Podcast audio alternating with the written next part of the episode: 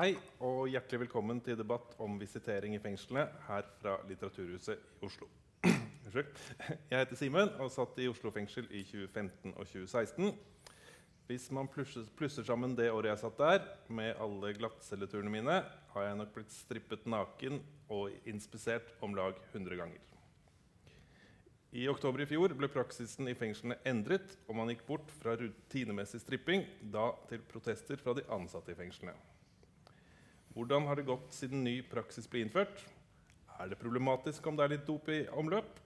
Og om så, hva skal kriminalomsorgen nå gjøre for å stoppe det? Dette er forhåpentligvis den siste røverdebatten som går uten publikum i salen. Men det er én ting som er fint med online-debatter. Vi kan ha med oss gjester fra andre steder i landet. Så da har vi valgt å ta med oss to bergensere. Maria Hessen Jacobsen, som er partner i advokatfirmaet Elden. Morten Aksdal, som er regionstillitsvalgt i Region Vest i Norsk fengsels- og friomsorgsforbund. Med oss fra det idylliske Sørlandet har vi Christian Mjåland, som er førsteamanuensis ved Universitetet i Agder. Her i salen har vi med oss kriminalomsorgens egen Espen Nakstad, assisterende direktør i Kriminalomsorgsdirektoratet, heretter kalt KDI, Jan Erik Sandli, og vår røver David. Tenker vi begynner med deg, David. Nå har du vært ute en stund, så du har, vært, si, du har ikke opplevd den forandringen i, i regimet. Men kan du fortelle litt om den visiteringen du har opplevd mens du har vært i fengsel? Ja, jeg har blitt visitert noen ganger. Og jeg fikk jo besøk to til tre ganger i uka. Og da må jeg strippe, da. Men eh, det har ikke plaga meg. Det er jo sånn at man skrur på en bryter når man eh, går inn. Og da er den bobla man lever i. Og da er, hører med at man skal kle av seg når man har hatt besøk. Og ja. Du har jo en kone. Du har fått besøk av henne noen ganger. Mange ganger. Hvordan er det å, å, øh, å, ha, å bli strippet naken etter man har hatt besøk av sin kone? det er det verste, syns jeg, da. Sånn dryppende svett. Men du har ikke opplevd det som noe krenkende? Det er bare en del av hverdagen, ja. det å bli strippa? Mm. Maria, det er jo på sett og vis du som har står bak hele denne praksisendringen. Du har kanskje noen eksempler på folk som har blitt mer krenket av visiteringa enn det David og for så vidt jeg også har blitt? Eh, ja Eh, Først og fremst er det flere som har beskrevet det samme som røveren din har. Eh, at dette etter hvert ble en vane. Eh, og de fleste sier at det var verst i begynnelsen. Eh, før man vente seg til det. Og så er det ganske mange altså Dette har jo skjedd med hele fengselspopulasjonen, som er en ganske sammensatt gjeng. Uh, en del er særlig svake, Eh, og eksempelet vi har Nå har vi 83 klienter per i dag. Eh, som alle beskriver har opplevd dette som krenkende. Det er forutsetningsvis derfor de har tatt kontakt. Men eksempelet varierer fra det helt ekstreme til tilfeller som vi alle kan forstå og kjenne oss igjen i. Um, de mer ekstreme, det, Når jeg henviser til det, så mener jeg disse eksemplene kvinner eksempel, som måtte dra ut brukte tamponger eh, før besøk hvis de hadde menstruasjon når de ble visitert, eller innsatte i krise, i enten alvorlig psykisk krise eller psykose, eller fysiske kriser, som eh, ble visitert på vei til sykehus eller på vei til besøk til slektninger som var døende, f.eks.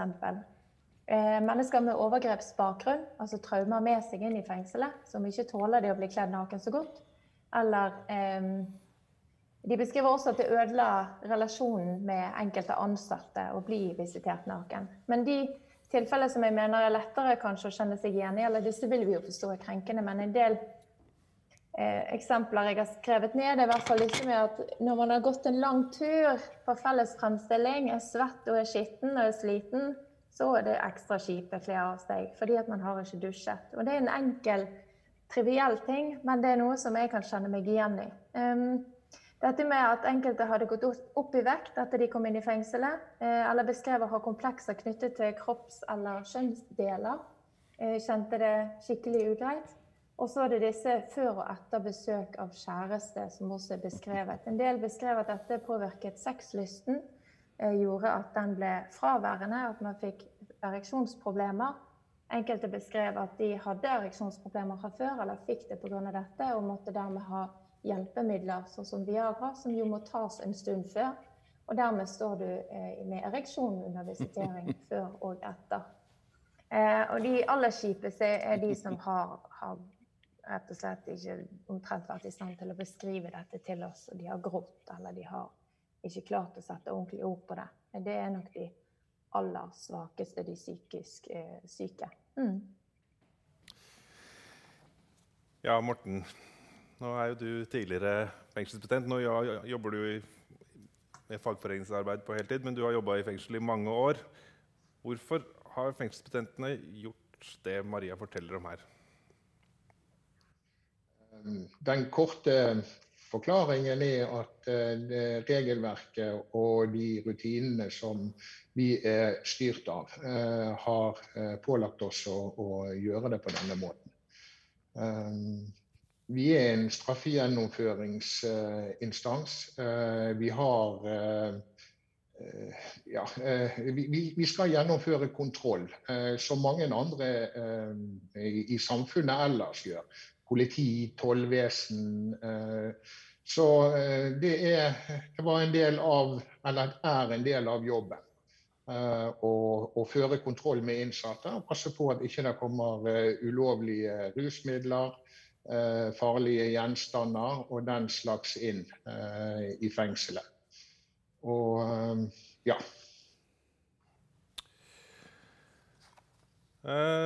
Kristian, eh, du har forsket på rus i, fengsler, i fengsel. Når var det, og, og, hva, og, hvor mye rus var det da du forsket inne? Ja, nå er det nå er det ca. ti år siden den studien eh, jeg gjorde som eh, fokuserte helt eksplisitt på rusbruk og rusøkonomi eh, i fengsel. Men nå har jeg vært en del rundt i forbindelse med andre forskningsprosjekter siden da i norske fengsler. Og, og, og da kommer man ikke unna å, å diskutere rusproblematikk eller rusbruk i fengsel når man intervjuer innsatte i norske fengsler. Fordi veldig mange som sitter i norske fengsler, det er jo velkjent, um, har i ulik grad um, stoffproblemer. Man regner med at ca. halvparten til ca. 60 um, oppgir å ha brukt uh, rusmidler opp til daglig i perioden før de kommer inn i fengsel. Um, og uh, vi vet òg at selv om veldig mange uh, enten går av eller reduserer bruken betraktelig når de kommer i fengsel, så, så vet vi òg fra både norske og internasjonale studier at det er en god del som, som fortsetter å bruke i fengsel. Så De norske undersøkelsene vi har på dette, her, som er sånne eh, spørreundersøkelser hvor, hvor innsatte oppgir sjøl eh, om de har brukt, og i så fall hvor ofte de har brukt, og hva de har brukt i, i norske fengsler, så svarer ca. En, tredjedel av de spurte at de har brukt rusmidler minst én gang i løpet av soninga. Um, så, så, det er på en måte det store bildet. Og i akkurat det fengselet som, som, eh, hvor jeg gjorde min studie, da, um, for vel, ja, nå ti år siden ca., et norsk høysikkerhetsfengsel, relativt stort, da var det en veldig sånn, vibrerende ruskultur i det fengselet. Det var veldig det var utbredt, um, det var utbredt uh, å bruke rusmidler i de avdelingene som, hvor jeg var i. da.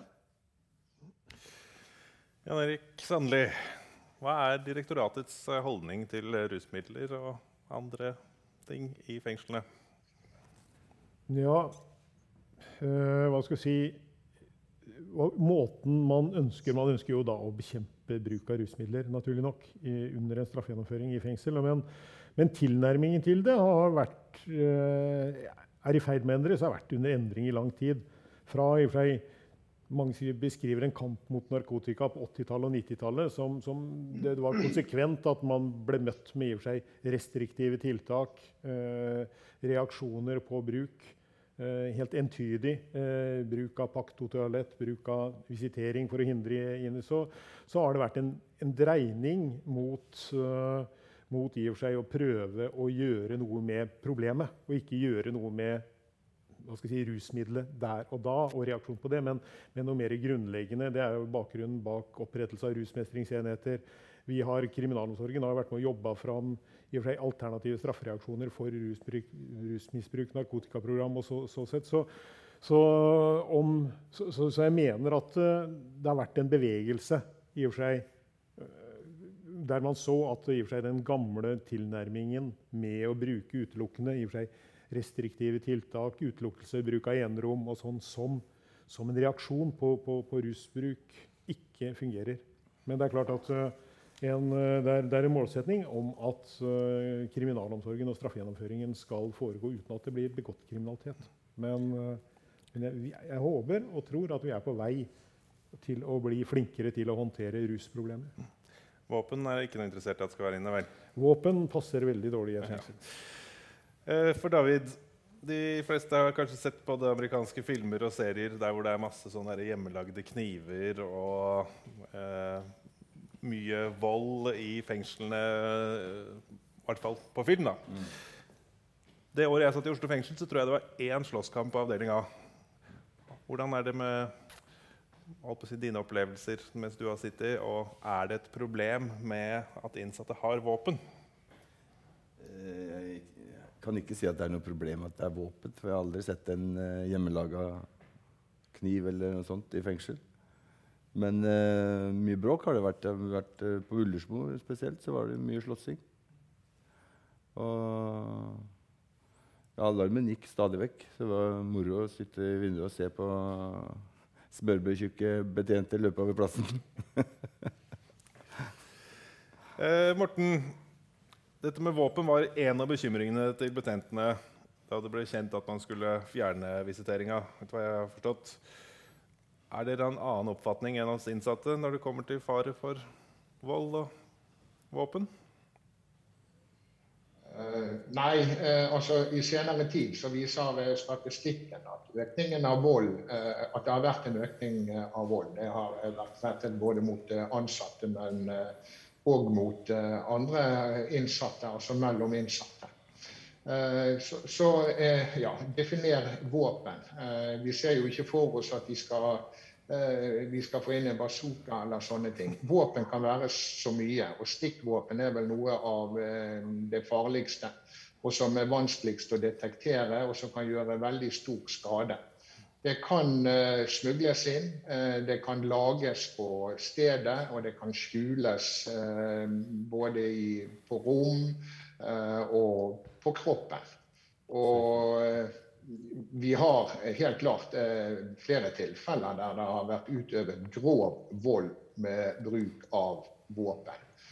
Svært sjeldent i historien i kriminalomsorgen har det vært brukt skytevåpen, men det har også forekommet. Når dere betjentene, si, enten det er med en som nakenvisitering eller i denne skanneren, som vi kommer mer inn på etter hvert Hvis dere tar en innsatt med noe han ikke skal ha, hva blir konsekvensen da? Det blir uh, vurdert uh, individuelt. Når vi står i selve situasjonen, så opplever vi det ganske stressende. For det går en, en, slags alarm, kan du si. Den første som oppdager at innsatte bærer et våpen, roper våpen. Eh, og da er førsteprioriteten vår å få eh, fratatt eh, den innsatte den farlige gjenstanden eller våpenet. Og så blir det i mange tilfeller brukt tvangsmiddel i sikkerhetscelle til vi får en oversikt over situasjonen og ja. Hvis man tar en innsatt med ja, Hvis han har litt eh, rusmidler på seg, hva er konsekvensen for den innsatte i fengselet da, innad? Ja, eh, det blir jo fratatt den innsatte. Det blir skrevet rapport. Eh, det blir gjort en vurdering på hvilke konsekvenser dette skal få for den innsatte i ettertid. Det kan være masse forskjellige tiltak vi kan igangsette der. Men utelukke fra et fellesskap er vel det mest vanlige. Ja. Eh, I denne boken her, som Røverradioen nettopp har gitt ut, hint, hint, kjøp, kjøp, eh, står det om vår røver Frank, som har en uoffisiell norgesrekord med innsmugling til fengselet. En gang han var ute, da putta han 17 Kinderegg, altså eller kjernen i et Kinderegg, da, uh, med andre ting oppi, oppi safen. David, kan ikke du fortelle de uinnvidde hva safen er? Safen ja, den er jo ikke synlig uansett. da om man skanner eller kler seg naken eller hva som helst. Så safen er jo inn bak. Den veien det egentlig bare skal gå én vei. 17 Kinderegg, er ikke det imponerende? Nei, ikke imponerende. det er ikke. Så det er mulig å få ting inn uavhengig si, av nakenvisiteringa ja. eh, eller disse skannerne? Jeg husker skanneren kom oppe på Ullersbo, og da var det oppstandelse på avdelingen. Hva skal vi gjøre nå? Og folk begynte å teste og sånn, skulle teste litt og se om det ga utslag. Trodde det var røntgenmaskin. eh, Maria, dine klienter som du har gått i holdt på å si, clinch med etaten på, for her, er de personlig redd for at reduksjon i visitering kan føre til mer narkotika i fengsel, eller er det en bonus? Eh, nå ikke det jeg erfarer, men eh, det jeg erfarer, er jo relativt begrenset. Jeg går ut ifra at det ikke er meg de henvender seg til, hvis det er det de ønsker å formidle. Sånn at det kan jeg ikke si noen ting om. Det jeg fikk gjennom både den saken i fjor og flere andre saker jeg har arbeidet med nå, det er jo masse informasjon om på hvilke måter narkotika kommer inn i fengselet. Eh, og eh, via kropp er nok en begrenset del ut av det. Og så tror jeg at den troen på avkledning som tiltak har vært overdreven. Eh, safen får du jo ikke syne se på når du kler av noen. Eh, men det mange forteller om, det er den endringen som skjedde fra før og etter disse retningslinjene ble endret. Og det er som dag og natt. Og mange beskriver at de har fått gjenopprettet verdigheten sin eller en mye bedre relasjon med kontaktbetjent eller med de andre betjentene. Som er veldig fint å høre. Og som jeg tror kanskje kan styrke sikkerhet på sikt vel så mye. Ehm, men også oppdager de en sånn De forteller at de opplever en sorg over å oppdage at dette var ikke i orden. Noe som de har tenkt ikke er i orden, men følt seg utsatt for, og så oppdager de det var ikke i orden. Og så har de et behov for å få det stadfestet. David, vil du si noe? Det er snakk om, uh, om visitering og naken og, og den skanneren. Nå er det jo sånn at Betjentene ser deg jo naken når du går på skanneren. Det lyser jo gjennom klærne. Jeg har sett på den skanneren, og det er jo, du ser jo utstyret og ser jo alt. Morten, du vil kommentere? Ja. Øh, øh, det man ser, er det vi kaller en avatar. Så den gir ikke noe annet øh, bilde av objektet enn Eh, en, en kunstig figur. Uh, jeg var i rusbehandling i 2006. Det var før ny pasientrettighetslov. Jeg er ikke helt sikker, jeg kan sikkert dere juristene mer, om akkurat når den kom. Men den gang da så ble man ransaka på vei inn til uh, avrusningen.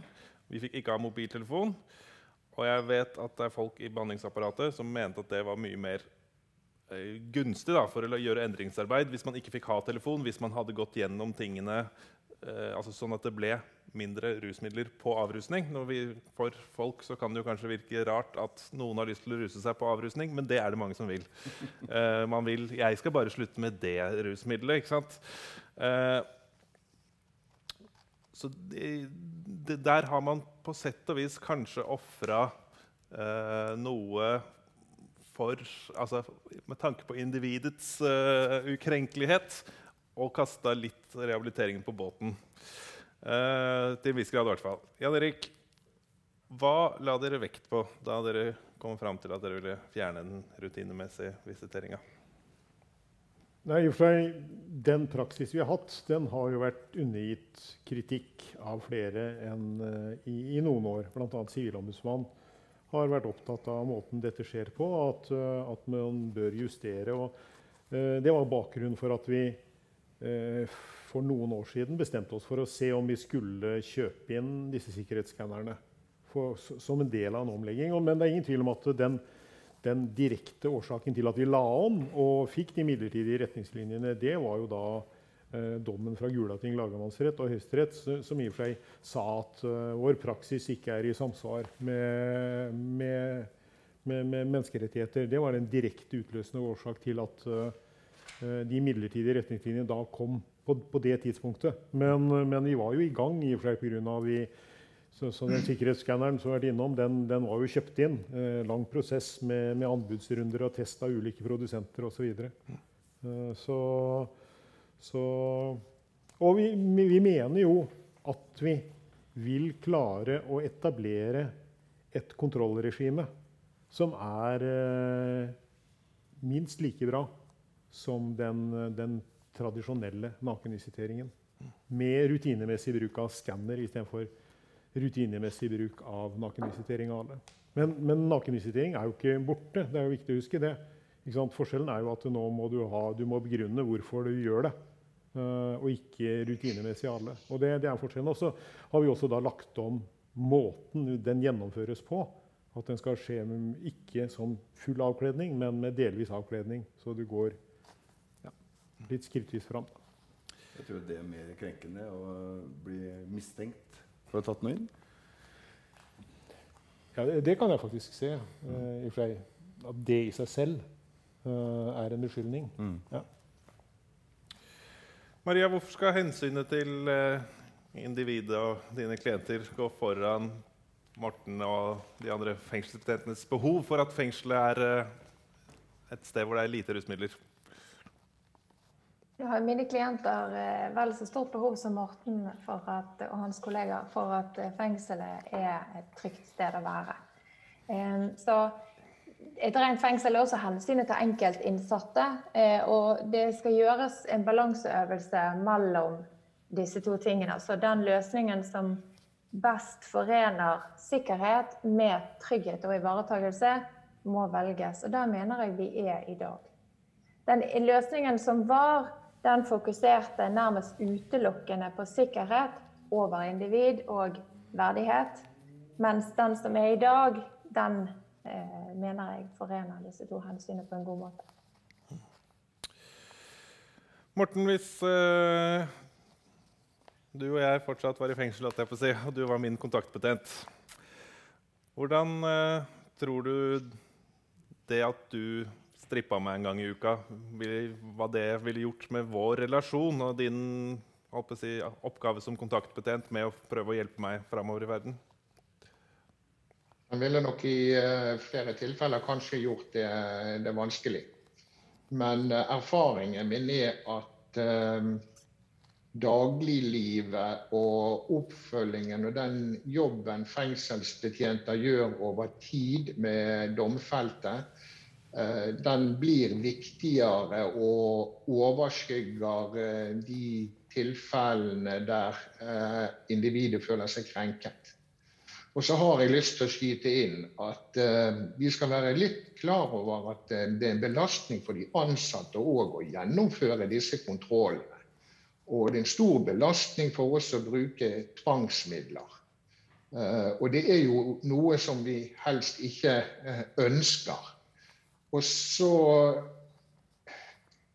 tenker jeg at av og til så blir individets ukrenkelighet angrepet eh, på grunn av eh, en stor gruppes behov for skjerming. Vi får veldig mange tilbakemeldinger som ansatte i, eh, i avdelingene om at eh, der smugles stoff inn, de er redd for at de skal bruke sjøl, for de har et rusproblem. Um, der er tilfeller der eh, innsatte velger å ikke dra ut på permisjon fordi at sterke krefter i innsattemiljøet påvirker de og presser de til å møte personer ute for å eventuelt kunne ta inn og smugle inn stoff. Noen innsatte får bli presset til å skjule narkotika på sitt rom, for der er det lite sannsynlig at vi vil visitere og kontrollere, fordi at dette er personer som vi antar ikke vil bruke.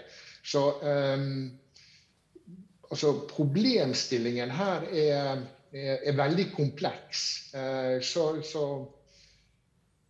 ja, uh, vi, vi, ønsker selvfølgelig å ta vare på individets uh, ukrenkelighet så langt som mulig.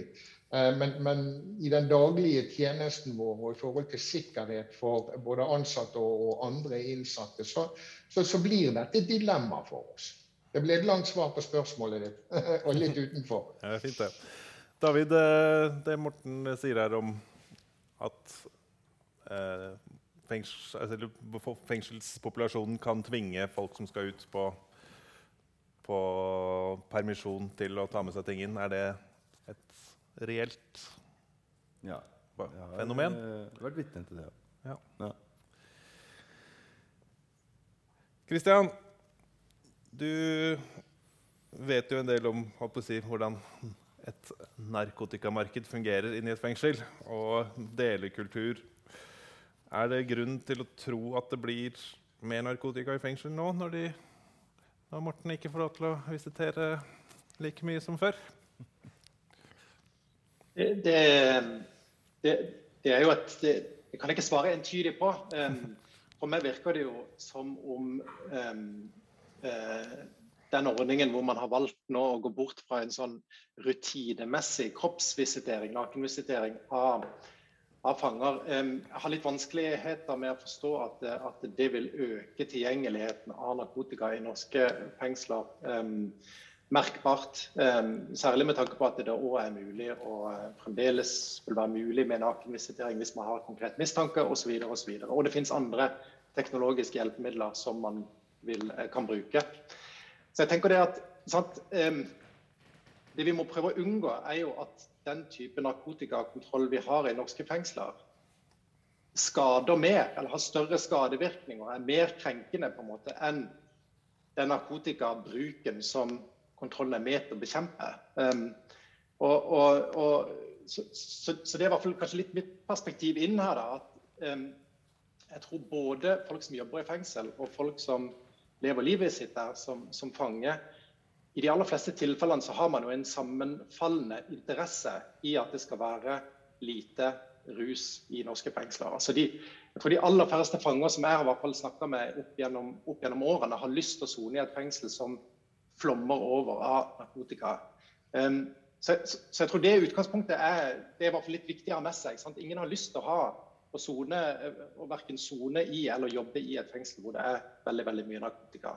Så det gjelder å finne kanskje måter å bedrive narkotikakontroll på som både er effektivt, men som òg um, ivaretar uh, folks uh, integritet på et vis. Og, og, og, vi vet jo noe om hvordan stoff kommer inn i norske fengsler, og, og safen er nok, er nok mye brukt. Det er i hvert fall de studiene som, som, som, vi har gjort sammen med en kollega Ingrid Lundeberg, blant annet, så gjorde vi en spørreundersøkelse i ti norske fengsler hvor vi bl.a. spurte om, om, om, hva de fangene som selv oppga har brukt narkotika i fengsel, hva de mente var de vanligste måtene å få de, de vanligste måtene stoff ble tilgjengelig på i fengsel. Um, og Da var det um, innførsel etter besøk, underluring av legale medisiner fra uh, helsetjenesten i fengselet, Um, og, eh, og eh, import sjøl etter framstilling eller permisjon, frigang osv. Var, var på en måte de hyppigste måtene folk oppga at uh, narkotika ble tilgjengelig på i fengsel. Um, og Spørsmålet er da om, om, på en måte frafallet av rutinemessig nakenvisitering endrer så veldig mye på akkurat det. og Det har jeg litt problemer med å se.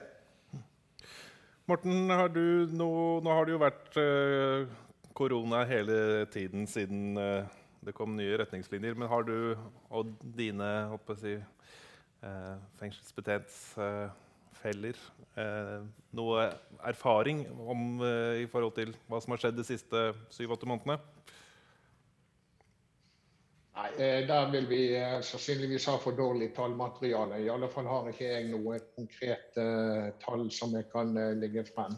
Um, så, men, men, min bekymring er helt klart at når vi går over til en uh, normal drift, med mindre vi får hjelpemidler som vi trenger i form av bodyskannere. Jeg kan jo opplyse at i, i Region Vest Eh, så har vi én bodyskanner, og vi har fire fengsler med høyt sikkerhetsnivå.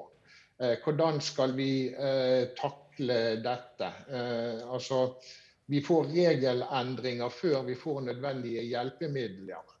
Og det er lite hensiktsmessig for de som ønsker å sone rusfritt, og som får hjelp i, i fengsel til å normalisere livet sitt. Og det blir utfordrende for eh, oss ansatte i forhold til eh, det sikkerhetsmessige aspektet. Det er min store, store bekymring.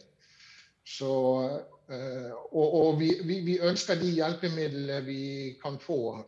Og hvis vi kan bedre visitasjonsrutinene Eh, til det beste for de som blir utsatt for dem, så er jo det, det er helt klart vi ansatte i kriminalomsorgen ønsker. Dette blir et viktig økonomisk spørsmål. Disse skannerne er svært dyre. Så ja, jeg har en eh, tenker jeg en berettiget bekymring når vi går tilbake til normaldrift, på at uh, det vil bli tatt inn mer rusmidler og eventuelt våpen. Farlige gjenstander. For dette med safen er vel ikke helt ukjent fenomen for dere betjenter heller. Når da vår røver Frank har med seg 17 forskjellige Kinderegg med, 17, med forskjellige rusmidler inn, burde jo det kanskje stoppes. Skulle dere kunne gått hardere til verks enn dere gjorde også før oktober? Uh, nei. Eh, vi hadde alle muligheter der. Ved begrunnet mistanke, så eh, kvalifisert begrunnet mistanke, som det heter, eh, så kunne vi fremstille vedkommende til røntgen på, på, sykehus.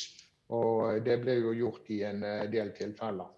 Så kan jeg opplyse om at i min egen tjeneste så ikke det alltid at safen er akkurat like trygg. Der har trillet Kinderegg ut fra bakende og ifra skjede. Så ja, det er nå sånn det var. Ja. David, eh, mens du satt på Ullersmo, så kom det kroppsskanner eller sikkerhetsskanner dit. Mm. Kan du fortelle meg litt om hvordan den fungerer? Den fungerte jo som regel ikke, for den ble jo veldig varm. Sånn, nei, nå må vi visitere igjen, for den, eh, jeg tror det var 20% av gangene så var det kroppsskanner. Resten var visitering. Også etter at de kom. Pga. at de funka ikke i de små rommene. Det ble for varmt, rett og slett. De funker ikke til å finne ting inni safen. Jan Erik. Burde dere ikke kjøpt røntgenmaskiner isteden? Nei, jeg tror, eh, jeg tror eh, det, det, har aldri vært noen reell diskusjon om at vi skal kjøpe, kjøpe røntgenmaskiner. Uh, jeg tror at Der er den ordningen. Vi har jo muligheten til å bruke det, men, men da må vi jo, som, som, Morten sa, da må vi jo bruke helsepersonell og sånt til å foreta undersøkelser. Så, så jeg tror det, det, vi skal ikke, vi, det har aldri vært noen reell diskusjon at vi skal begynne med det. Men en sånn uh, skanner, hva koster noe sånt? Skanner koster uh, vel en rundt 1,8 millioner, men så er det noen tilleggskostnader, som, som du sier. ikke sant? Det, Eh, det ble nok eh, i og for seg både i og for seg størrelse på rommet og også kjøling i rommet. Uh, koster jo også. Som du sier, den Ullersmo var det første. Uh, og det ble nok veldig mye mer varme enn uh, en man tenkte på når man monterte den. Så, så det, det, er jo en lærdom vi har tatt. Så, så, sånn sett så er det, som Morten sier, det er en, det er, det er en dyr, dyrt utstyr. det blir stadig bedre. Vi har, tror jeg, per i dag uh, skanner i 14 fengsler. Skulle vi dekka alle fengsler med høyt sikkerhetsnivå, også de mindre, så må vi vel opp i en 40 fengsler ca. Så, så, sånn sett så, så, ligger det en betydelig kostnad knytta til dette. Men jeg har lyst til å si at jeg tror at regelendringen At vi måtte endre fra rutinemessig kontroll av alle med nakenvisitering til i og for seg nakenvisitering med mistanke, den regelendringen den hadde kommet uavhengig av skanner eller ikke. ikke sant? Eh, for jeg tror, jeg tror jeg kunne vanskelig se med den, den Gulating-dommen og høyesterettsdommen at vi kunne opprettholdt det regimet man, man hadde. Og i tillegg da kritikken fra ombudsmannen.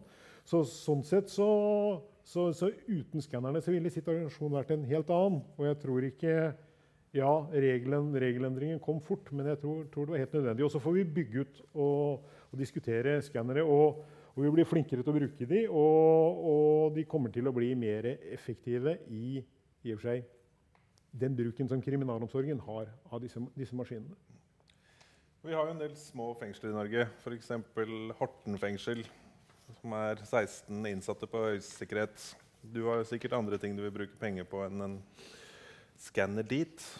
Hvor langt fram i tid ligger det, og hva skal de gjøre i mellomtiden? I forhold til ja, nei, I mellomtiden så er det jo gjeldende regler, og, og det foretas jo risikovurderinger av hvordan man håndterer situasjonen uten skanner. Men, men, det er helt klart en, det er en viktig budsjettdebatt vi skal ha på hvor mye ressurser skal vi bruke nettopp på den type anstalter. Og så vet jeg Noen har tatt, tatt til orde for at man heller burde prioritere de enkelte store fengsler med lav sikkerhet mm. uh, istedenfor små. Så, så, så, det er en diskusjon. Med, uh, vi, vi, vil få flere i åra framover, men hvor fort dette vil gå, er uh, ja, det er i og for seg en budsjettdiskusjon. Men I Horten er det nå ingen visitering i det hele tatt? Jo, jo, da. Det er full anledning til å visitere. Altså, det, det, er det man har metallportal, man har håndholdt eh, apparat. Man kan bruke full visitering hvis man kan begrunne det. Ja. Så, så, sånn sett så, så, er det den Det som er borte, er den at man sier at det her kontrolleres alle ved nakenvisitering. Fordi jeg har hørt en eller annen som snakker om Oi sann, der er Mjåland oppe. Jeg var, var ikke meningen, jeg hadde bare lyst til å, lyst til å si én ting. Sant? Fordi når vi snakker om narkotikakontroll i, i norske fengsler, så, så, så syns jeg ikke vi bare skal snakke om, um, om skanner og den type teknologiske virkemidler. ikke sant? Altså, fordi, fordi I forskningslitteraturen så, så, er det jo flere som tar til orde for at, um, at, at hvis måte, narkotikakontrollen skal være effektiv i å redusere um, omfang av bruk og innførsel av narkotika, så, så, handler det ikke, da må vi ikke bare se de konkrete kontrolltiltakene isolert. Vi må se på det større bildet. Og Noe av det større bildet er jo at vi, vi har en situasjon hvor vi fengsler veldig mange med til dels alvorlige og behandlingstrengende rusproblemer. Um, så, så, så, så, flere tar jo til orde for at når, når, vi vet hvilken gruppe som kommer inn i fengselet, som òg gjerne da har um, stor etterspørsel etter stoff når de først kommer inn i fengsel, så, så er kanskje noe av, noe av det mest hensiktsmessige i et sånt skadereduksjonsperspektiv er jo å, å, bygge ut behandlingstilbud i fengsel. Så veldig Mange er jo opptatt av at det er en veldig tett sammenheng mellom, um, mellom behandling um, og uh, narkotikakontroll. Så, vi, så, hvis det er på en måte et, et, bedre tilbud til folk når de kommer inn i fengsel, så vil det kanskje òg redusere noe av behovet for å bruke fengsel. Og Det andre jeg hadde lyst til å si, var jo bare om at det, det er jo òg um, en diskusjon sant, om, um, om, hva slags type stoffer som, som brukes i fengsel. og når det er vanskelig å få stoff inn, og, og, det er generelt en høy etterspørsel, det er en god del fanger som har lyst til å bruke rusmidler, så er det mange som mener at da, da er det jo et insentiv at det primært er de harde stoffene som, som kommer inn i, i, i fengsel, um, og som brukes. fordi at det, Får man først tak i noe, så vil man ha en, en, en, en god effekt. Pluss at en del av de stoffene òg er vanskeligere å avdekke med den type narkotikakontroll som brukes i dag. Så, så det at f.eks. det å røyke en joint um, på cella fører til en, en, en, en ca. samme reaksjon som hvis du sniffer buprenofin, som er et opiatstoff. Um, når man samtidig vet at den cannabisen kan avdekkes i urinprøve i, i opptil 30 dager, mens opiatstoffet man akkurat har sniffa i seg, forsvinner, forsvinner, ut av urinen dagen etter. Så er det mange som mener at da, da på en måte har man jo rigga seg sånn da, at det, det, det, det på en måte lønner seg da å velge hardere stoffer enn de eh, svakere stoffene. Så, så, noe av det man òg kan se på, er jo, er jo ok, er det, er det f.eks. mulig da å avkriminalisere cannabisbruk i norske fengsler? Det har vært diskutert internasjonalt. og Tidligere var det jo også sånn i f.eks. danske og sveitsiske fengsler at det ikke førte, medførte en reaksjon hvis man blir tatt for å bruke de um, mildere rusmidlene i fengsel. Ja, Sannelig, skal vi ja, det, Det, det, vi, det, vi, jobber for å få mer av, er jo i og for seg at reaksjonen på en positiv urinprøve skal være det, det man kaller en russamtale. Altså man prøver istedenfor den tradisjonelle disiplinærreaksjonen, at man prøver faktisk å motivere den innsatte til å velge noe annet. Så, så det er vel den, den, veien vi ønsker at det skal bevege seg. Så, så Eh, jeg syns det er kloke ord. Ja. David, kjenner du noen som satt i Nederland? For der har vi hørt eh, jeg rykter om at det var mye bra hasj i omløp. Ja, men, eh, ja, jeg kjenner noen som har sittet der. Ja. Så dette er en idé du liker? altså, Sannelig, det, dette er bra. Ja, ja, nå tror jeg du trakk det litt Jeg mener ikke at vi skal avkriminalisere cannabisbruk, men jeg mener at uh, vi skal møte rusproblemer i kriminalomsorgen med forsøk på å gjøre noe med problemet. Ja, det er bra. Maria, eh, vi har jo mange småfengsler i landet her, og det er vi jo i utgangspunktet glad for. Dere advokater er jo opptatt av forholdsmessighet. Hvor forholdsmessig er det at uh, Horten fengsel har en skanner til 2,2 millioner? Var det du sa? 1,8 pluss. 1,8 pluss. Eh, jeg er veldig tilhenger av små fengsler. Eh, små fengsler viser forskning, gjør det veldig godt. Eh, skannere er fryktelig dyre, og det syns jeg er synd. Eh, kanskje de blir billigere hvis vi kjøper inn flere, hvem vet. Men, og mindre fengsler har jo ofte den fordelen at de har tettere relasjoner mellom de ansatte. Man er tettere på ansatt og innsatt, og kanskje det er lettere å oppdage da. Jeg har ikke nødvendigvis løsningen, men Akkurat nå så er det jo flere tusen mindre visitasjoner per år enn det var for bare et år siden, så kanskje den ressursbesparelsen kan brukes til noe.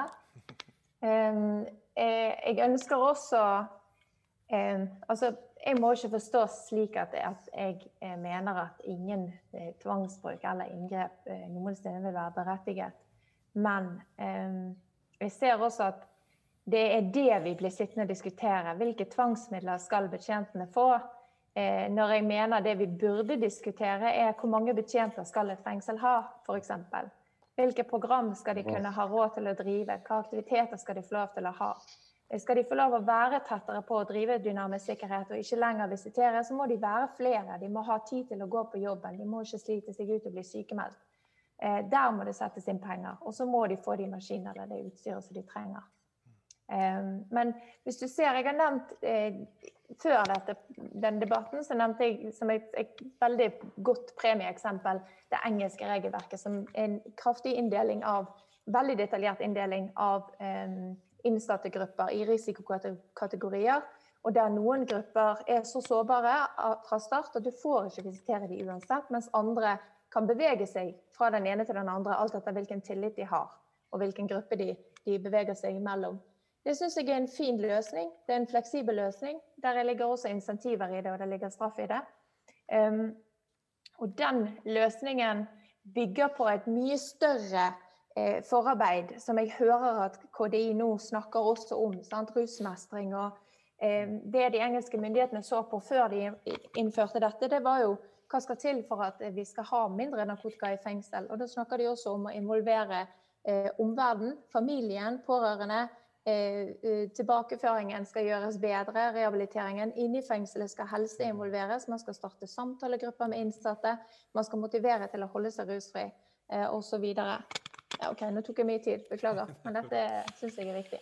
Kristian ville kommentere?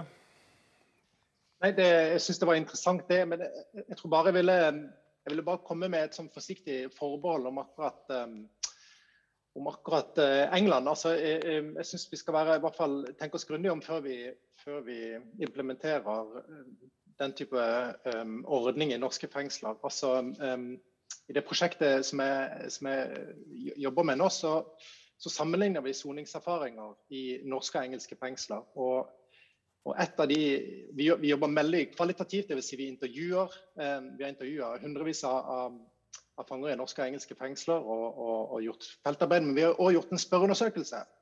Og vi prøver å finne ut av okay, er, hvordan opplever fanger soningsforholdene i norske og engelske fengsler. Og når vi ser på de ulike sånn, dimensjonene vi måler etter i den spørreundersøkelsen, så er et av de aller liksom, kraftigste forskjellene mellom Norge og England, det, det gjelder sikkerhet, opplevd trygghet i, i fengselshverdagen. Der, der, kommer norske fanger, eller norske fengsler, gjør det veldig veldig mye bedre enn i, enn i de engelske fengslene. Og Det er kanskje ikke spesielt overraskende. ikke sant? Vi har jo sett vi har sikkert bilder av at engelske fengsler er større og mer preget av vold osv. Men når vi ser litt nøyere på okay, hva er det som gjør at folk opplever sikkerheten så forskjellig i norske og engelske fengsler, så, så, handler det veldig mye om tilgangen på rus. Så I mange engelske fengsler så er det et kjempestort problem med veldig veldig mye eh, eh syntetisk cannabis i fengslene. Eh, som, som, preger soningshverdagen på en veldig negativ måte. Så mange opplever, opplever at soninga er utrygg. Eh, mens i mange norske fengsler så, så, så svarer de fleste fangene at det er ikke sånn at eh, det er så mye rusmidler i norske fengsler at, at, eh, at soninga oppleves som, som utrygg.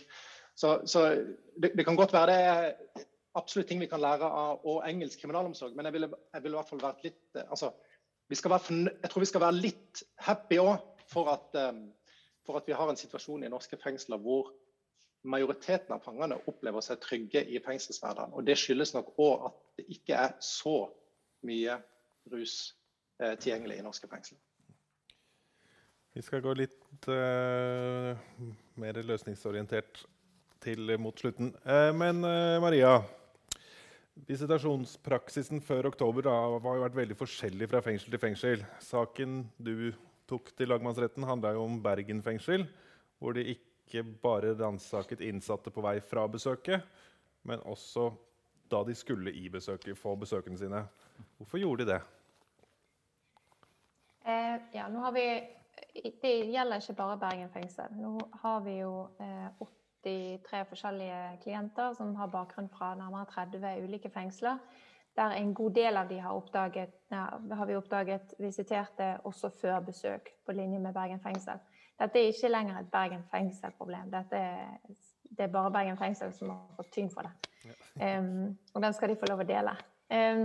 Men uh, jeg vil også nevne Ringerike, som jo står ut som et eksempel på, på spesielt De visiterte oppå speil som lå på gulvet. Det gjorde ikke Bergen fengsel.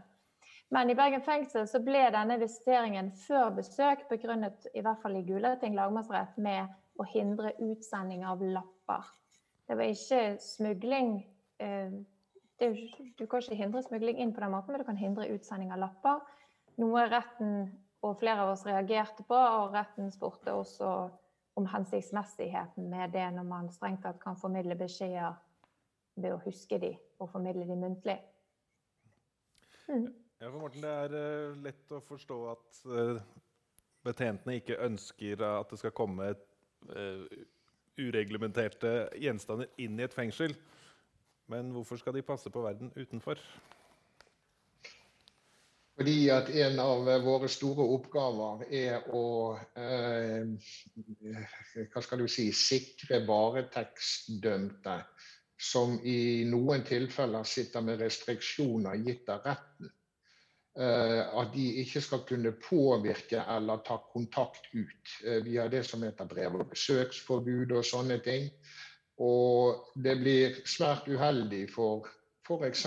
Bergen fengsel hvis en som eh, skal gå ut på besøk til familie eller ut på en permisjon eller fremstilling, har et stilet brev eller notater som kommer fra en innsatt som sitter på restriksjoner. Og Det har vi hatt dessverre noen tilfeller av. Det er lettere for innsatte å formidle beskjeder eh, mellom hverandre i en fengselsenhet gjennom eh, ja, tilfeldig feil ved lufting, eller at man tilfeldigvis treffes på gang. Og kreativiteten er stor blant eh, mange eh, av de domfelte. Så det, det, kan jo belyse en del av årsakene til at vi har valgt å gjøre det. Eh, eller er pålagt å gjøre det. Eh, det er regelverk og lovgiver som har gitt oss anledning til dette. Og helt klart politiet sine føringer når vi får eh, en innsatt i varetekt med restriksjoner. Veldig strenge beskjeder om at her er det fengselet som har ansvaret for at ikke der påvirkes vitner eller sånne ting. Ja. Jan Erik, Praksisen virker å ha vært veldig ulik før oktober. Er det ikke si, du eller KDI i hvert fall, som bestemmer praksisen i alle fengslene? Jo, nå er det sånn at Regelverket både før og etter åpner for, for, for det Morten beskriver. At du kan foreta kontroll både før og etter. Uh, og så er det så er det en tradisjon i Norge fengslene er veldig forskjellige, at det er overlatt en god del til, til det enkelte fengsel. Og, og, og i og for seg eh, gjøre i seg det som er nødvendig for å holde en god kontroll. Som, som, som, Morten sier, dette, dette, er jo noe som vi ofte hører begrunna i avdelinger der noen sitter med restriksjoner, og det er andre innsatte. For men, men, det er klart man eh, Det er en diskusjon. Eh, det er, vel, det er ingen tvil om at det, det er den type begrunnelse for visitasjon som møter sterkere kritikk enn det motsatte. Og det er jo ikke, er jo ikke, er jo ikke, er jo ikke overraskende, men, men, som sagt, regelverket åpner for det. Og, og, og, ja, hvor mye skal man tvinge gjennom i og for seg, at det skal være 100% likt, og i hvor stor grad skal man overlate noe til en hensiktsmessighet? Vi har snakka om små og store fengsler. Det det, er, store forskjeller på Horten og Ullersmo. Så, så, da kan det hende at det er fornuftig at praksis er noe forskjellig òg i Horten og Ullersmo. David Kristian nevnte at noe av rusmidlene i fengselet kommer fra helseavdelingen. Er det din si, erfaring med at, at, det kommer ting derfra? Ja, det er jo det. Det kommer ting derfra. Da hjelper det jo ikke med aldri så mye. Hva slags rusmidler er det, Kristian? Nei, det, det, det, kan være ulike beroligende medikamenter, um, som gjerne kan kalles benzodiazepiner. Um, men der er, måte, der er, man litt strenge med å skrive ut den type legemidler i, i, i fengsel. Men, men, det er òg en god del um, medikamenter som brukes i LAR, altså legemiddelassistert rehabilitering, hvor man får måte et opiatmedikament legalt foreskrevet som et substitutt for heroin. Og, og, Det kommer i forskjellige former, ikke sant? men, men buprenorfin er et av, de, et av, de, eh, virkestoffene i noen av de medikamentene. og de, de, er på en måte populære å bruke illegalt, både utenfor fengsel og inne i fengsel. Så en god del av, god del av det som, som, eh, som brukes um, som lures unna fra helseavdelingen, er sånne type buprenorfinprodukter.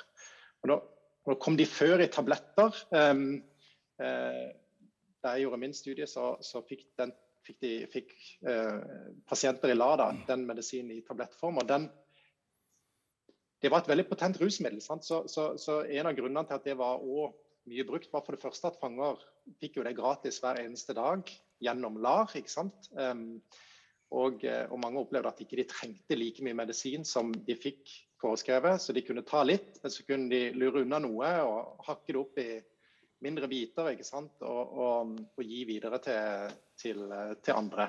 Og, sånn en, en, halv dagsdose kunne jo gjerne kunne jo veldig fint bli på en måte 10-15 sånne streker som kunne snippes av andre fanger. Så det, var et veldig, det er et potent rusmiddel ikke sant, som gir en ganske sånn god ruseffekt, beskriver fanger. Mange beskriver det som et fantastisk soningsstoff fordi at um, det reduserer litt nerver, litt angst, um, får tida til å gå eh, osv. Så, så, så, så det er jo en, en, en reell utfordring at, um, at, um, at, det er en del buprenorfinbruk i fengsel.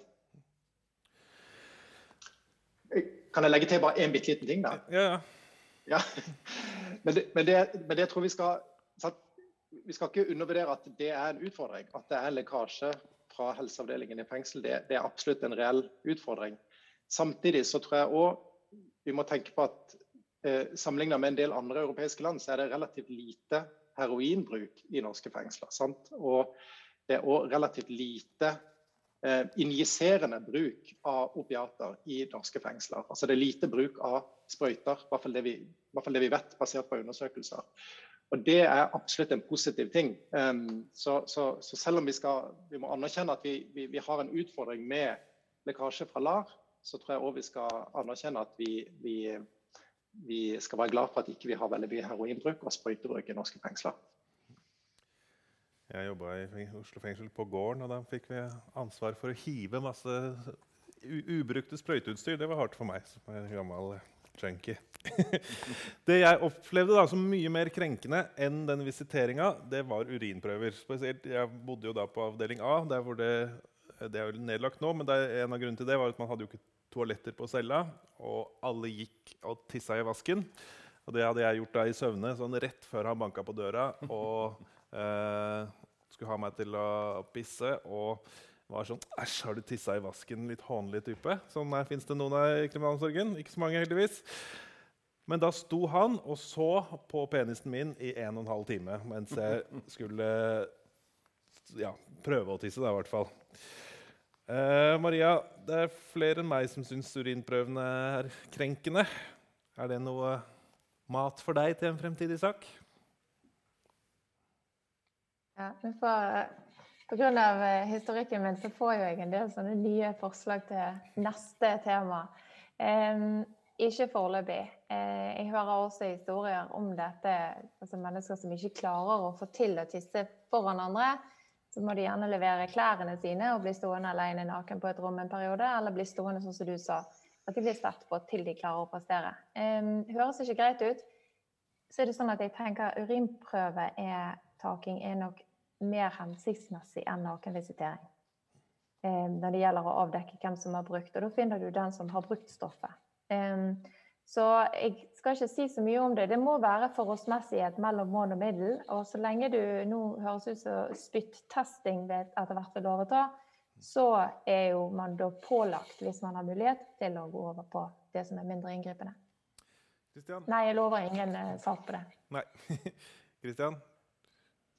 Jeg har egentlig bare et spørsmål til, til, til Sandli og, og, og, forresten um, og Morten Aksdal angående akkurat disse urinprøvene. For jeg har lurt lenge på, um, lurt lenge på, på, på hva kriminalomsorgen sjøl mener de får ut av alle disse urinprøvene som, som avlegges i norske fengsler. Så, så, vidt jeg har forstått tidligere, i hvert fall, så måtte alle urinprøver sendes med posten til Trondheim.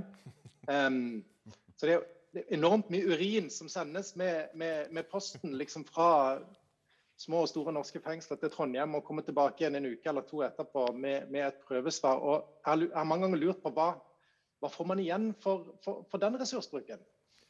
Skal vi ta Sandli først? Ja, to, to ting når det gjelder, når det, gjelder det. det, ja, det er det, Vi er på vei fra urin over på spytt. Uh, det er det, og det er en utvikling som kommer til å fortsette. Og så har både urinprøver og, og, spyttprøver. Og da snakker vi om uh, spyttprøver som uh, analyseres i et laboratorium.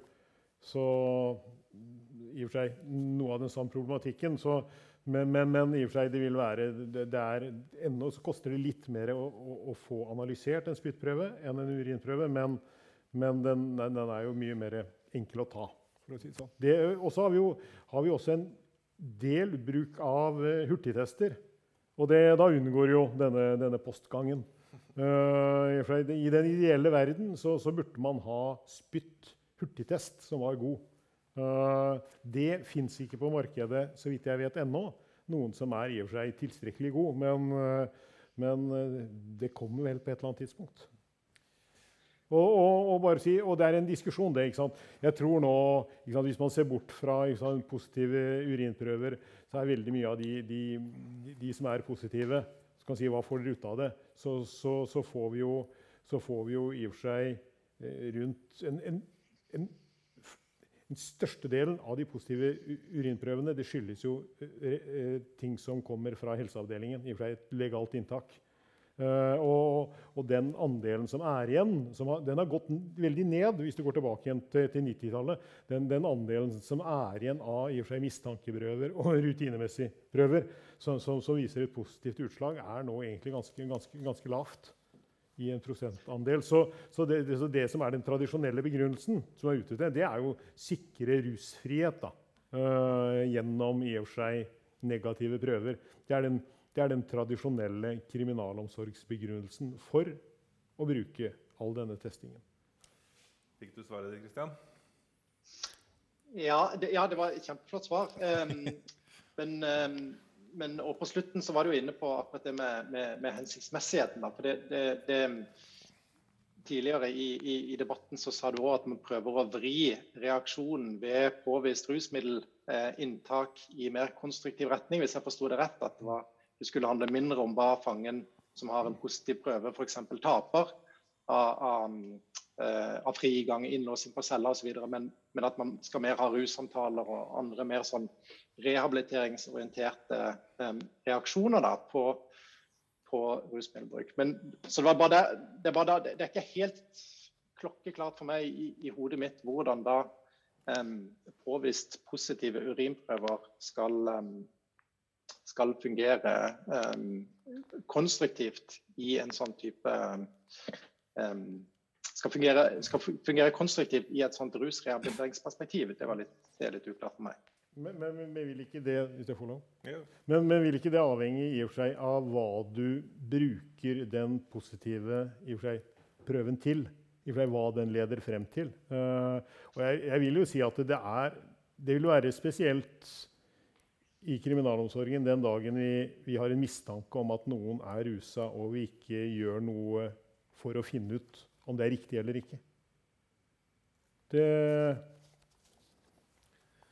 Morten, hva tenker Avbrøt jeg? Nei. Morten, hva tenker betjentene i forhold til rustesting? Uh, jo, uh, rustesting uh, har sin misjon i den grad at hvis vi avdekker et aktivt rusmisbruk, så må jo vi gjøre visse vurderinger i forhold til progresjon. Muligheter for utganger. vi må jo søke å hindre at ikke Eh, rusbruken eh, tar seg opp ytterligere. Eh, men i forhold til spørsmålet til Kristian før i tiden, så, så, er det vel det en av de tingene der jeg òg har stilt meg egentlig spørsmålet med eh, bl.a. hvor mye urinprøver vi tok, hvem vi tok urinprøver av, eh, kostnaden med det, ikke minst. Og hva brukte vi det til? Jo, det var liksom Aha, du prøver å lure oss. Uh, aha, nå uh, har vi avslørt deg. Um, sånn i forhold til uh, Sånn vi har tenkt lenge i kriminalomsorgen i forhold til rusbehandling, så var vel det der ganske sånn ja, counterproductive, egentlig. Så eh, Det vil jeg jo bare innrømme fra min erfaring. Og Vi var mange som stilte spørsmål med, med denne hyppige bruken, og ikke minst kostnaden med det. Å og avkreve urinprøver på kanskje personer som vi visste kanskje ikke engang drakk alkohol. Men, men det skulle liksom gjøres. Det er noe med kulturen eh, den gang.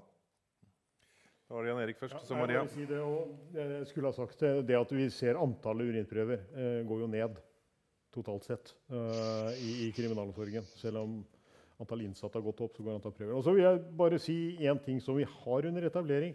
At vi har jo nå den første avrusningsenheten i, åpen, i en åpen enhet under bygging på Bjørgvin i Bergen. Så, så, som er i og for seg en en, en, en, det tradisjonelle hvis du møter rusa i, i, et, i, et, et, fengsel med lavere sikkerhetsnivå, åpent fengsel, er jo at du sendes da til, til, eh, til et, eh, et, høyere fengsel med høyere sikkerhetsnivå. Men tanken er at man skal håndtere det sånn som man ville gjøre igjen der og da. da. Rett og slett med å ha en egen avrusningsenhet. Så, og det er en veldig spennende pilot vi har, som kommer i Bergen. Maria, du rakk opp en hånd og viste to tomler opp. Nei, to tomler opp det til den eh, rusmestrings... Eller den enheten som KDI snakket om der. Den har jeg sett. Den er under bygging nå. Eh, når jeg rakk opp hånden, så var det egentlig bare for å si at dette var kjempeinteressant. Dette med urinprøver har jeg ikke tenkt så mye på. Jeg lurer på om jeg skal se litt på det likevel. eh, Maria, du har nå gått på, til søksmål på vegne av par og 80 klienter. Skal David og jeg hive oss på det søksmålet? Er det hva blir det av erstatninger? Og hvor mange og hvor langt tilbake i tid vil folk være berørte? Tenker at det er fåtall som skal gå til søksmål, og forhåpentligvis få til en rettslig avklaring på vegne av ganske mange. Hvor langt tilbake i tid? Vi har klienter som beskriver helt tilbake til tidlig 2000-tall, og sikkert før det òg med visitasjonspraksis. Det vil være foreldet, tenker jeg. Eh, vi har ikke tatt saker som går lenger tilbake enn 2017, hvis soningen endte da. Men jeg avviser ikke at lenger tilbake kan være hensiktsmessig. Om dere to som ikke opplevde det som så fryktelig krenkende, skal gå til søksmål, eh, det må dere vurdere selv. EMD eh, e vil jo normalt vurdere det, og dermed også norsk domstol vil jo vurdere det etter en helhetsvurdering når det gjelder artikkel 3. Og da, hvor krenkende det oppleves, eh, vil være en av de vurderingsmomentene. Ja, så og så var spørsmålet om dere skal hive dere på det eller ta det med egne advokater. Nå ja, har vi etablert vi... en ordning som gjør at vi, vi bare avbryter foreldelse for løpende for nye klienter. Mm. Eh, og stiller disse i bero, sånn at vi gjør oss klar for å fremme krav den dagen vi oppnår seier i de, de første sakene. Hmm. Så det er overgangen til elden på oss, da? Nei, det der klarer din egen advokat helt fint òg. Jeg, kan, jeg skal ringe Brynjar etterpå. Det er godt å høre. Eh, Jan Erik, hvorfor måtte Maria vinne en sak i lagmannsretten for at kriminalomsorgen skulle begynne å respektere menneskerettigheter? Ja, det, jeg tror at uh, den, den, saken som nå kommer med Maria sånn, det, jeg, tror, uh, jeg tror ikke jeg, det blir en diskusjon uh, som vi blir involvert i. Jeg tror vi skal ta den, ta den der. Og den er ikke jeg, jeg, har ikke lyst til å gå inn i den akkurat i dag. Nei. men jeg har, jo, jeg har, jo, forklart hvorfor i og for seg at de nye retningslinjene kom når de kom. Ja. ja. Maria, hvis du får bestemme framtiden for norsk kriminalomsorg, hva er et passende nivå med tiltak?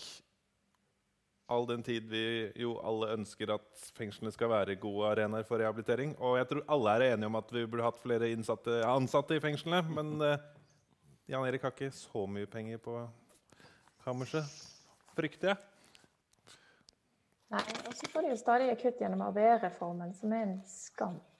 Um, Nei, jeg vet ikke. Jeg jobber ikke i fengsel og skal ikke late som jeg vet alt om hvordan det er heller. Um, så jeg syns jeg skal være forsiktig med å si hvordan ting burde være, og holde meg til det jeg kan. Uh, og si hvor er absolutt yttergrensen for hva vi kan tolerere av maktmidler. Jeg tenker at det høres fornuftig ut med den ordningen sånn som den er i dag, men at jeg skal være litt forsiktig med å være veldig bastant på det. Mm. Men den balansen som jeg snakket om, er viktig. Ja. Morten, da er det du som får bestemme, ser det ut som. Å, så bra. ja, eh, en god kriminalomsorg. Eh, først og fremst så ønsker jo vi å ikke bryte noen eh, menneskerettigheter. At vi får de eh, midlene vi trenger til å kunne gjennomføre frihetsberøvelsen på en best mulig måte. Og eh, Det krever økonomi, eh, ikke tvil om det. Vi er for få eh, på gulvet, så den dynamiske sikkerheten vår lider under det. Hjelpemidler, kostbare 1,8 millioner kroner for en bodyscanner for at de skal kunne ivareta de innsatte på en bedre måte i forhold til visitasjon. Ehm, mindre enheter. Dessverre så ehm, Ja, jeg var fengselsførstebetjent på avdeling Osterøy som ble lagt ned. Vi må bli mye flinkere til å skille på de forskjellige innsattkategoriene. Tilbudet til eh, kvinnelige domfelte er forferdelig dårlig i eh, norsk kriminalomsorg. Eh, det er mange kvinner som må gjennomføre straff på høyere sikkerhetsnivå enn det som er strengt tatt nødvendig. Ja, mindre enheter. Hensynta barn på ungdomsenheter som vi har. Eh, disse må jo følges opp i det øyeblikket de er blitt 18 eh, eller 20 år. Så bare hives de inn i eh, gjerne fengsler med, med, med voksne.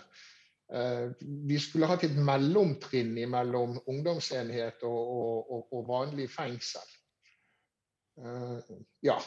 Men økonomi, så har vi både utdanning og holdninger i betjentkorpset vårt som kan ta de utfordringene som kommer, for å kunne gjennomføre en, en god soning. David, helt avslutningsvis. Nå har man gått vekk fra rutinemessig visitering. Tenker du at i og med at du ikke har opplevd det som så veldig krenkende, er det bra at man har tatt det vekk? Nei, egentlig ett fett for meg. Det er det. Men uh, jeg ser fordeler og bakdeler ved begge deler. Da skal vi gå inn for landing her fra Litteraturhuset i Oslo. Det blir spennende å se hvordan russituasjonen blir i fengslene når man går bort fra smitteverntiltakene. Men én ting er jeg i hvert fall sikker på. Det har vært mye antibac-fylla der det siste året. Takk til Kristian eh, Mjåland, som har vært med oss fra Sørlandet. Maria Hesten Jacobsen og Morten Aksdal, som var med fra det vakre Vestland. Jan Erik Sandli og David skal få seg en liten kvast her i salen. Eh, vi er tilbake med nye røverdebatter til høsten. Inntil det så bør du høre på sendingene våre og kjøpe boka vår. Da støtter du vårt gode arbeid. Jeg heter Simen Iskariot Larsen og ønsker deg en kriminelt god kveld videre.